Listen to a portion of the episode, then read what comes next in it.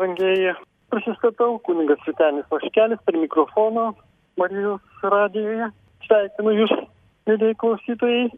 Ir mes jau nieko nelaukdami tęsime šitą štai mūsų laidą, jos vaizdomis išgydyti. Iškart norėčiau drąsiųjų sielvartaujančių manifestų, vienos rašytojos sukurtais žodžiais prabilti į Jūs. Nėra didesnės grėsmės kritikams, cinikams ir baimės kurstytojams tie iš mūsų, kurie yra pasiryžę kristi, tai mes išmokome pakilti su nubrozintais keliais ir užgautomis širdimis.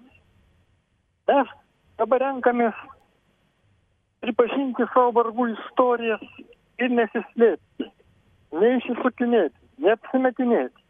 Kai neigiame savo pasakojimus, jie mus apibūdina. Kai bėgame nuo savo vargų, niekuomet nesame laisvi. Todėl mes grežėmės į tiesą ir žvelgime ją į akis. Nebūsime savo istorijų personažais, nebūsime piktadariais aukomis ir nedidvyriais. Mes esame savo gyvenimo autoriai. Mes patys rašome drąsia savo istorijų pabaigas.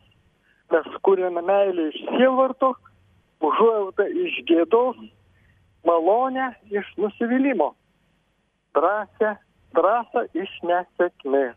Mes daug galime, mes drįstame atsiskleisti. Pasakojimas yra kelias namo. Tiesa yra mūsų daina. Esame drąsus ir sielvartaujantys. Mes keliamės. Tai brangiai keliamės, kai pripažįstame, jog mus vienyje iš tikrųjų kaip koks va štai įvairiausias skausmo receptorių tinklas Dievo malonė. Taip, nors gimtosios nuodėmės padarinys, skausmas, judesys, lygos, bėdos, mirtis, bet taip pat tai yra ir malonė dieviškoji, kai mes vieni kitus priemam Dieve, kai mes melžiamės ir sakom, va, pavyzdžiui, užkaistas kojos pirštas. Skeldė man, kad tas pirštas yra svarbus. Jis mano, jam reikia dėmesio. Jei užlipsi man ant piršto, aš galiu sušūkti, tai aš. Aš žinau, kad tai aš. Nes savo pėdą šią akimirką spaudžia mano skausmo receptorius. Skausmas mane apibrėžia, nubrėžia mano ribas. Taigi skausmas yra tas mechanizmas, kuris priverčia mus nutraukti veiklą ir atkreipti dėmesį į skaudamą kūno narį. Tai panašiai kaip ir misnė mūsų kūne bažnyčioje, kuriam nors nariui, jos skauda, jis kreipiasi į viešpatį per bažnyčią, jeigu nuodėmė kankina sielą, per susitaikymo sakramentą jis atgauna ramybę. Ir tas skausmas iš tikrųjų tampa džiaugsmu, nes Dievas panaikina per atgalą, per susitaikymą su juo, su savimi, žmogaus visus nusižengimus. Taigi, tai kaip Kristaus kūno nariai turime išmokti gydyti likusius, likusio kūno skaudulius. Tai darydami mes tampame prisikėlusio Kristaus įsikūnymu. Ir dar galim pratesti apie tai kalbėdami, vidinės žaizdas, nuoskaudos, skausmų, įvairius potyrius. Taigi kūno sužalojimui atitaisyti dažnai prireikia medikų pagalbos. Bet fizinės traumas galime ir turime pirmiausia gydyti maldą, kreipimus į aukščiausią, kuris čia ir dabar mus mato. Pavyzdžiui, žaizda turi būti išvalyta ir sutvarstyta, bet kartu gydoma ir mintimis prašant Dievo malonės ir kantrybės, kurios prireiks iškesti skausmą ir giliau suvokti kančios prasme. Emocinis skausmas sukelia daug keblumų, nemažai žmonių. Emocinę kančią gydo ją slėpdami. Tai yra, jie grėbėsi dalykų, kurie suteiktų jiems malonumą. Leistų užmiršti tą skausmą, jį nustelbtų. Pavyzdžiui, svaiginasi alkoholį, vartoja narkotikus, lošia azartinius žaidimus, žiūri televizijų ar kiną, valgo saldainius ar riebų maistą. grėbėsi visko, kas prislopina skausmą, bet jo negydo. Dažnas įskriauda, reaguoja ir kerštu, tai skriaudos priežastis gali būti identifikuojama su konkrečiu daiktu ar žmogumi, o ne su gamtos reiškiniais. Taigi turime atminti, mes galime nukreipti savo pyktį net į daiktus. Jeigu įrankis sulūšta, atliekant kokią nors svarbę užduotį ir pasijuntame susierzinę be, bejėgiai, mes trenksime tą įrankį ant grindų, palydėdami kartais mažus. Štai koks nekantrumas gali pasireikšti. Taip, mes suprantam, kabutėse, kad įrankio gadinimas nepadės, bet kodėl elgiamės taip agresyviai? žinodami įrankį, nesvarbu ar simboliškai, ar fiziškai sugadindami, mes patiriame stiprų pasitenkinimą. Tarsi galvotume, vadovaudamėsi savo pasąmonės logiką. Mano planai žlugo, mano savigarba pažeista, bet jeigu aš galiu ką nors sugadinti, tuomet pamatysime, koks esu galingas. Mes visi užsigauname ar supykstame, bet kas nors trukdo, kai kas nors trukdo patenkinti mūsų poreikius ar troškimus. Toji kliūtis gali būti kasdienė. Pavyzdžiui, kai vaikui liepame nevalgyti saldainių prieš pietus, gali būti rimtesnė, kai kas nors vėluoja į susitikimą. Arba tokia, kuri išveda mus iš pusiausvėros, kai tarkim, koks nemandagus vairuotojas sustoja mums kelią. Kitaip nesusierzinimas, piktis nėra tokia emocija, kaip mes ją suprantame. Emocijos informuoja mūsų apie nevalingą mūsų reakciją į mūsų supančią tikrovę. Moralės požiūriu mes nesakingi už savo emocijas, todėl jos nėra nuodėmė.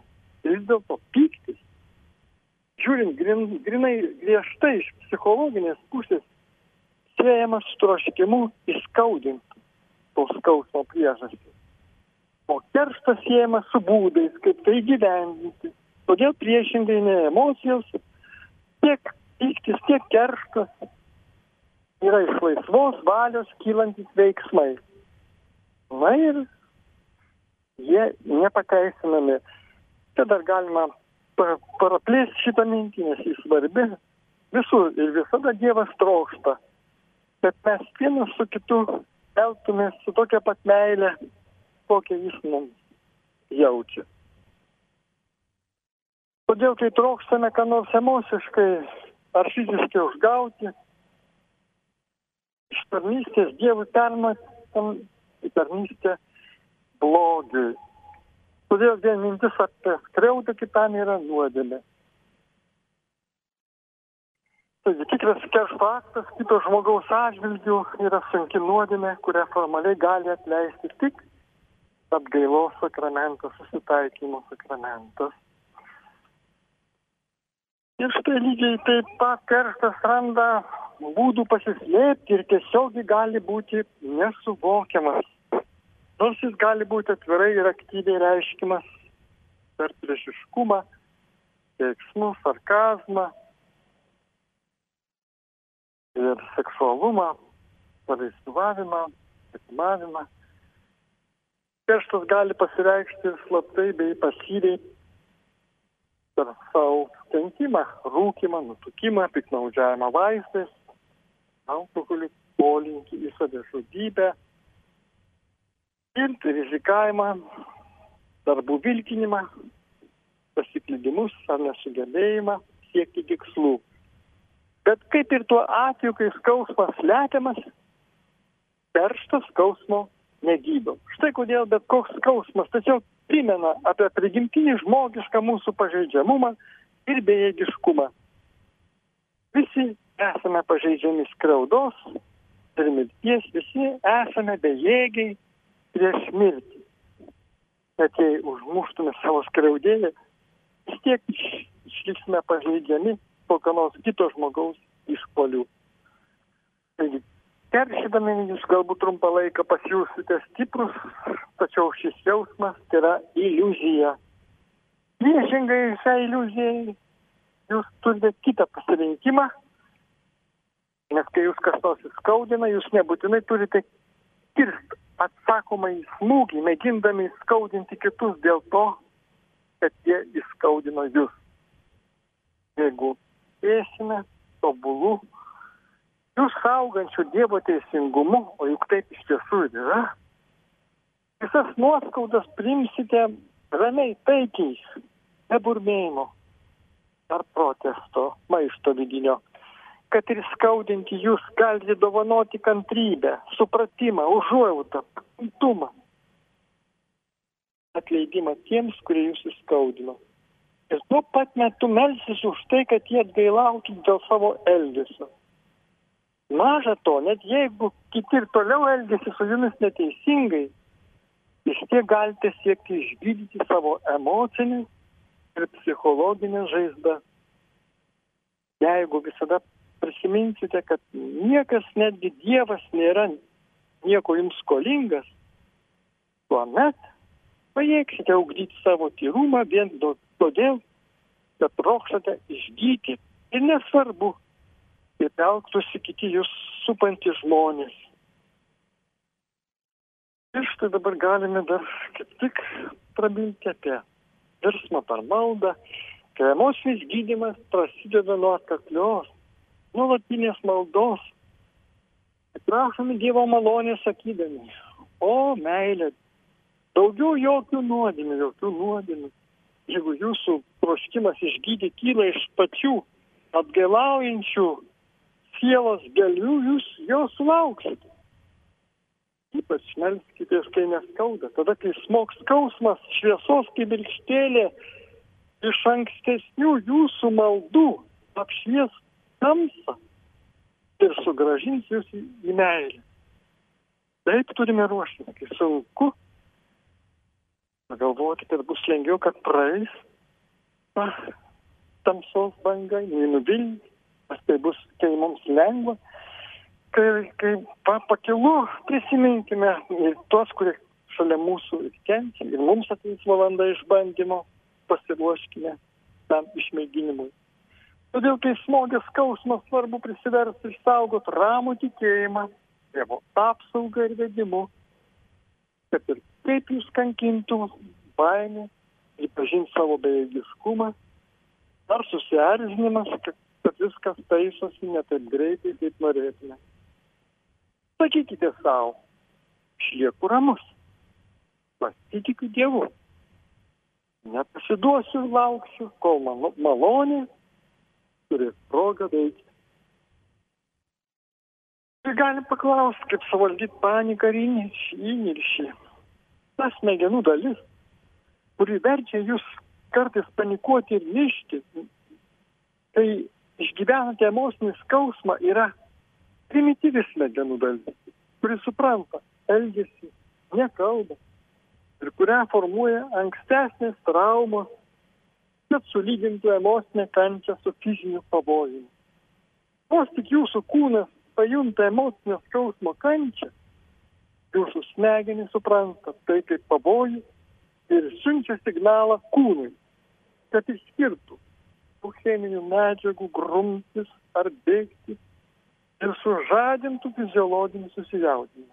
O jeigu manom, manote, kad pavojus realus ir kad turite su juo grumtis, jūs tik paskatinate savo smegenis išskirti dar daugiau grumtis ar bėgti. Galiausiai šis procesas išplinta ir jūs pasiduodate keršto impulsui. Štai toks vyks procesas. Šitaip, šitaip tikintys psichologai, psichiatrai, psichoterapeutai nagrinėja šį tokį va, vyksmą, procesą, apie kurį mes kartais visai nepagalvojame. Ir toliau. Be to jūs negalite sustabdyti to umaus pykčio vien tik liepdami sauliautis. To jūsų smegenų dalelė, kuris stumia jūs į paniką ir įniršį, kai patirėt emocinį skausmą, nesupranta kalbos. Jis supranta tik elgesį ir būtent jis nuveda mus teisingo problemos sprendimo link. Taigi vienintelis būdas sustabdyti emocinį pyktį - samoningai elgtis taip, kad jūsų smegenys suprastų, jog nėra pavojaus. Bet užuot tankiai alsavę, giliai išlėto, įkvėpkite. Užuot paniškai žvalgėsi aplinkui, užsimerkite. Užuot įtempę raumenys, juos atpalaiduokite. Neleiskite mintims lakstyti. Susikoncentruokite į kokią nors paprastą užduotį. Pavyzdžiui, mes galime suskaičiuoti atbulinę tvarką nuo šimto arba sukalbėti viešpaties mūsų Jėzaus Kristus išmokytą maldą. Tai yra mūsų. Tokie veiksmai nurodo jūsų smegenims, kad pavojus negresia. Todėl jūsų smegenys užtvers kelią toms cheminėms medžiagoms grum ar bėgti. Jūs pajusite raminantį palengvėjimą. Be to, prašydami dieviškojo teisingumo, atsisakykite arogantiško noro savo pačių rankomis atlyginti už patirtą skausmą, su ramiu pasitikėjimu ir nesiskusdami savo žodžiais ir sakykite skausmą šiais ar panašiais žodžiais. Viešpat, aš sužeistas, įskaudintas, dabar esu bejėgis, pažeidžiamas. Kad ir ką daryčiau savo jėgomis, mane neapsaugo. Padėk man, nes be tavojo gailestingumo ir tavosios apsaugos aš išnyksiu. Į tavo rankas, o viešpatė, aš patikiu savo sielą. Padėk man tęsti savo tarnystę tau, nors jaučiuosi išduotas, neteisingai apkaltintas, paliktas ar įskaudintas. Ir dar, niekada nepamirškite, kad jūsų ašaros patirtos dėl bėdų yra malda, nors jos kad neturi tokios savy, savaime atperkamosios vertės, nes Jėzus viską atliko ant kryžiaus, bet mes galime su šventuoju Pauliumi tarti, kada prisidedam savo kančią, savo vargelių skirimą Jėzui, jo širdžiai už kitus. Taigi galime turėti tą dalelę Jėzaus meilėje, netgi nukentėdami, nes yra ne tik palaima tikėti, bet palaima ir dėl Jėzaus kentėti. O ašaros, kartais jos plūsta, jos ne, ne, tai nebūna sulaikom. Jeigu jos atspindi jūsų troškimą pažinti Dievą ir tarnauti jam geriau, nei sugebate dabar, o gebėjimas gražiai pakelti, imti tą kančią, maldoje prašant malonės, kurios jums reikia, kad ištvertumėt kančią ir iš jos pasimokytumėt, nuties jums kelią į dvasinį augimą. Tuomet, jeigu Dievas daro tai, kas jo valioje, kad jis perkeistų jūsų kančią į drąsą, ištvermę ir pasitikėjimą. Nemažai žmonių, ypač tie, kurie yra patyrę emocinę, fizinę ar seksualinę prievartą vaikystėje, yra linkę nustumti mintis apie kančią. Su pirma, todėl, kad jie nesamoningai sugretina kančią su bausme. Ta pačia neteisinga, nesažininga ir nelogiška bausme, kokios jie sulaukė nuo prievartautojų rankų. Tikrai nemažai žmonių kenčia nuo įtarimų, kad galbūt praeitie jie buvo seksualiai prievartaujami. Nemažai jų dalis niekada taip ir nesužinojo.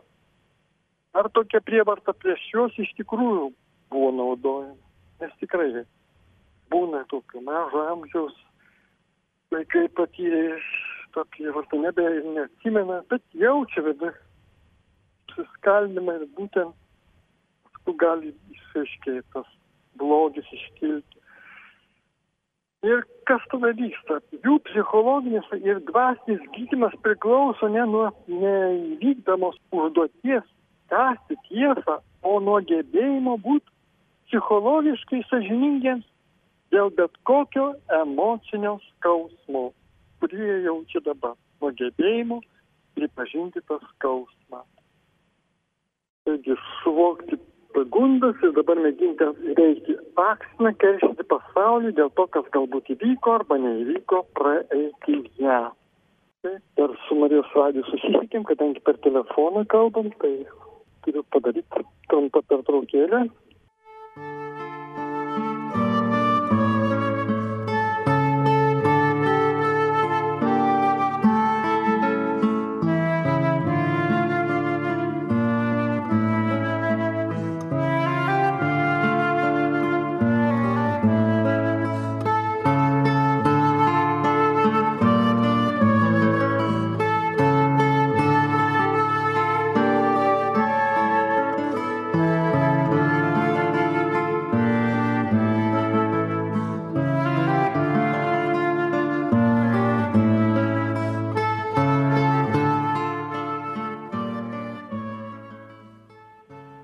Marijos radio klausytojo atsiustos intencijos. Meldžiame Dievo pagalbos ir maldos už Algymanto sveikatą. Kita žinutė. Prašo maldos sergant sunkiom lygom seseriai Onutei, seseriai Editai, Ramūniai, Igniai, Vytautui, atsivertimo malonės prašant austėjai, smurtauja prieš artimus ir išgydymo iš alkoholizmo arūnui. Dėkojame. Tiek žinučių. Ačiū.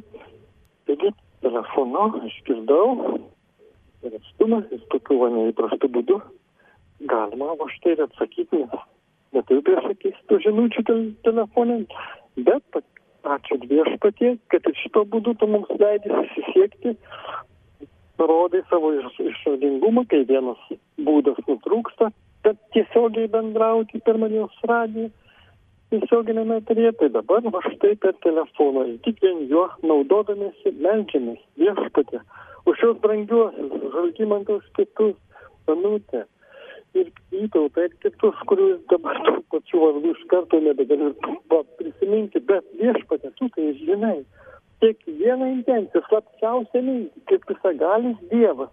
Ir jeigu jau žmonės, brangieji mūsų Marijos radijo klausytojai, kreipėsi su intencija, su malda prašydami, kad būtų išgirsti, kad jų kančios, jų bėdos, jų lygos, jų kiti skausmai ir atsivertimo dovanos suteikimas artimiesiems taptų kūnų, tai viešpatė. Dabar, kai Marijos radijo klausytojai susivienyje, drauge maldoje ir mes kreipėmės vieningą maldą, viešpatė, nešame tau šitą maldų tiesiog, galima sakyti, šūsniai, tau per Marijos rankas, per švento Juozapo užtarimą, tai tikrai tikime, kad tai vyksta. Dievo meilės stebuklas, kad tu viešpatį išklausai, tiek, kiek matai, kad kiek mes va štai galim priimti tas tavo dovanas. Ir svarbiausia, kad per išklausytas mūsų maldas mes va štai atsidėkodami keičiamės stengdamėsi daryti tai, kas tau labiau patinka. Tai vadinasi, dar labiau ūkdome dvasinį gyvenimą. Toliau stengiamės tau patikti, tada tampam verti tavo aš tai palaiminimų klausysime, verti savo maldų išklausimų. Tai neišvengiama. Tai yra dėsniai tam tikri. Nes viešpas nėra burtininkas, kuris štai mes dėdamos tylės taip pat jis suteikė mums teptų balandžių bet jis duoda mums štai maldos dvasią, duoda ištvermę, duoda išmintį, suteikia kantrybę, suteikia tas atgamtinės dovanas, kur negali pasaulis duoti. Aš palaimink šios brangiosius visus Marijos radio klausytojus, kurie va štai tikrai sutraukia į bendrą maldą ir laimina kartu su kunigu, kitais va štai žmonėmis visais Marijos radio klausytojais visus žmonės ir Dievo malonė, kaip saulė va štai šviečia, išpostai dalyje savo spindulius visiems. O mes va štai tikrai toliau va štai dėkodami viešpačiu už visą, už šitas tokį va bendravimo būdą, kai telefoną rankoje laikydamas, noriu dar va štai kaip tik pasakyti, kad va, apie tą pyktį kalbant, kuris va štai yra iš mūsų praeities sakmų iš gimtos nuodėmės pažeistumo. Taip, mes jį visą atiduodame viešpatė tau, atiduodame tikrai norėdami sielos išgydymo dovaną patirti ir štai dar galime sakyti ir mintim, tokiamis mintimis pasidalinti. Klaidingo kartais to nuolankumo atveju, kai žmogus dedasi esas nuolankus, bet jo elgesys yra kursomas pagėžos, o ne meilės įkvėptas. Nes jis gali sakyti, na gerai, vadinasi, elgies su manim bjauriai. Na, tai aš tau parodysiu. Gali duoti man pilos, kiek nori, aš ištversiu nebambėdamas, net jeigu tai mane pražudys. Na ir gerai. Kas tai yra? Koks tai nuolankumas? Koks tai tas blogis priėmimas? Tai yra pagėža. Nes skriauda nėra laisvų norų priimama. Ji tik toleruojama kaip nesažiningas primestas veiksmas. Tokie žmonės patiria pasitenkinimą matydami save kaip neteisingo kitų elgesio su jais auką. Nu, bet auka čia tenka į kabutės. Čia slypi pavojus, kad jie bus linkę manyti, jog jeigu jie pakankamai kentės, tai tada tie, kurie nesažiningai juos atmetė, galiausiai bus priversti juos pripažinti. Žinot, brangieji, o juk tai ta tiesus kelias į per mazochonizmą. Savo štai save jau į to blogio aklavietę. Taip, tos net, neteisingas skausmo prieimimas. Tai ta mazochizmo problema yra ta, kad laikomasi klaidingo įsitikinimo. Esą asmeninė kančia kažkaip atperkama, todėl ignoruojamas tikrasis atpirkimas siejamas su Kristaus kančia mirtimi ir prisikėlimu. Taigi Kristus visas kančias priėmė savo norų, ne kaip auka nesdamas. Kryžius nori dėl mūsų prisimė visos neteisingos, nesažiningos ir nelogiškos bausmės kančios. Kristus karčiai, kančiai suteikė prasme. Kitaip tariant, dėl mūsų nuodinio atpirkimo prisėmė kančią atvirai ir be pykčio ir tokių savo elgesių mums parodė, kad tikroji meilė yra pasiryžimas prisimti emocinę kitų kančią, tikintis, vilintis, kad ši kančia juos išgelbės. Atminkite, kad skausmas, kurį jums sukelia kiti, iš tikrųjų yra jų pačių skausmas, kurio jie nepripažįsta. Noriai, primdami jų blogą elgesį savo kančią, jūs pakeičiate maldą už tai, kad jų sielos galiausiai atsivertų atgailai, atgimimui, atsivertimui. Jeigu tik melstumėm už kitus ir primtumėm savo kančią taip, kaip tai darė Kristus, ne kaip bausmę, bet kaip kitiems teikiam atleidimo dovaną, tuomet jums nebereikėtų slėpti savo kančios.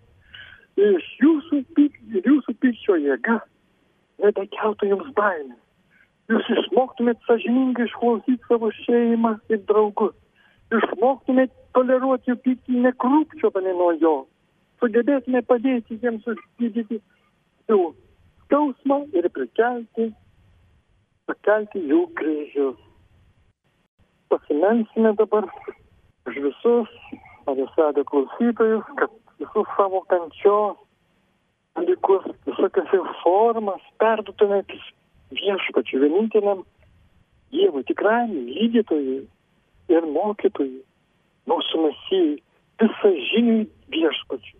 Va štai kodėl taip svarbu pažinti Dievo savybės, koks jis yra, iš teologinės pusės, bažčios mokymų, remiant katekizmo tiesomis. Va štai kaip praturtinam viešpat savo sąmonę, savo mintis viešpaties tikrųjų pažinimu, tai štai tada išsiplečia. Mūsų įvaizdžiai seniai kažkokios stereotipinės, trum, tokios nuostatos, tokios vienadienės arba jos tokios, kas sakykime, trumparengiškos, kodėl kartais laikomėms įsikybę, jos va štai pakeičiamos tomis tikromis mintimis apie Dievą, kai viešpas per maldą mums šventoji dvasia atveria mūsų protus. Kai meldžiamės, medituojam, priemam tiesą ir sprokstame klusnumu pateisinti savo gyvenimo veiksmus. Viešpat, štai tai ir kelias išgydymas. Paklusti tau, neklausyti savo ego balso, netikrojo aš, kuris mane žaidžia, kuris nuo tavęs atitraukia, bet klausyti tavo vedimo, išgirsti tavo balsą tyloje ir ramybėje ir triukšme ir būti savimi, būnant tavyje.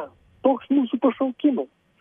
Savotiškas toks kelias, originalus ir kartu bendruomeniškas, nes mes visi kūno bažnyčios nariai esame atsakingi vieni už kitus, ir melžiamės už silpniausiusius šią valandą, už tuos, kurie dar patiria tas skriaudas, kad Dievas gintų jų vidinę žaizdą ir mus visus va štai apdovanotų begalinę savo meilę. Tad ateik šventoji dvasia ir laimink mus visus, ypač brangiosius, mielosius Marijos radio klausytojus. Sudien prie mikrofono buvo kunigas Pitenis Vaškelis.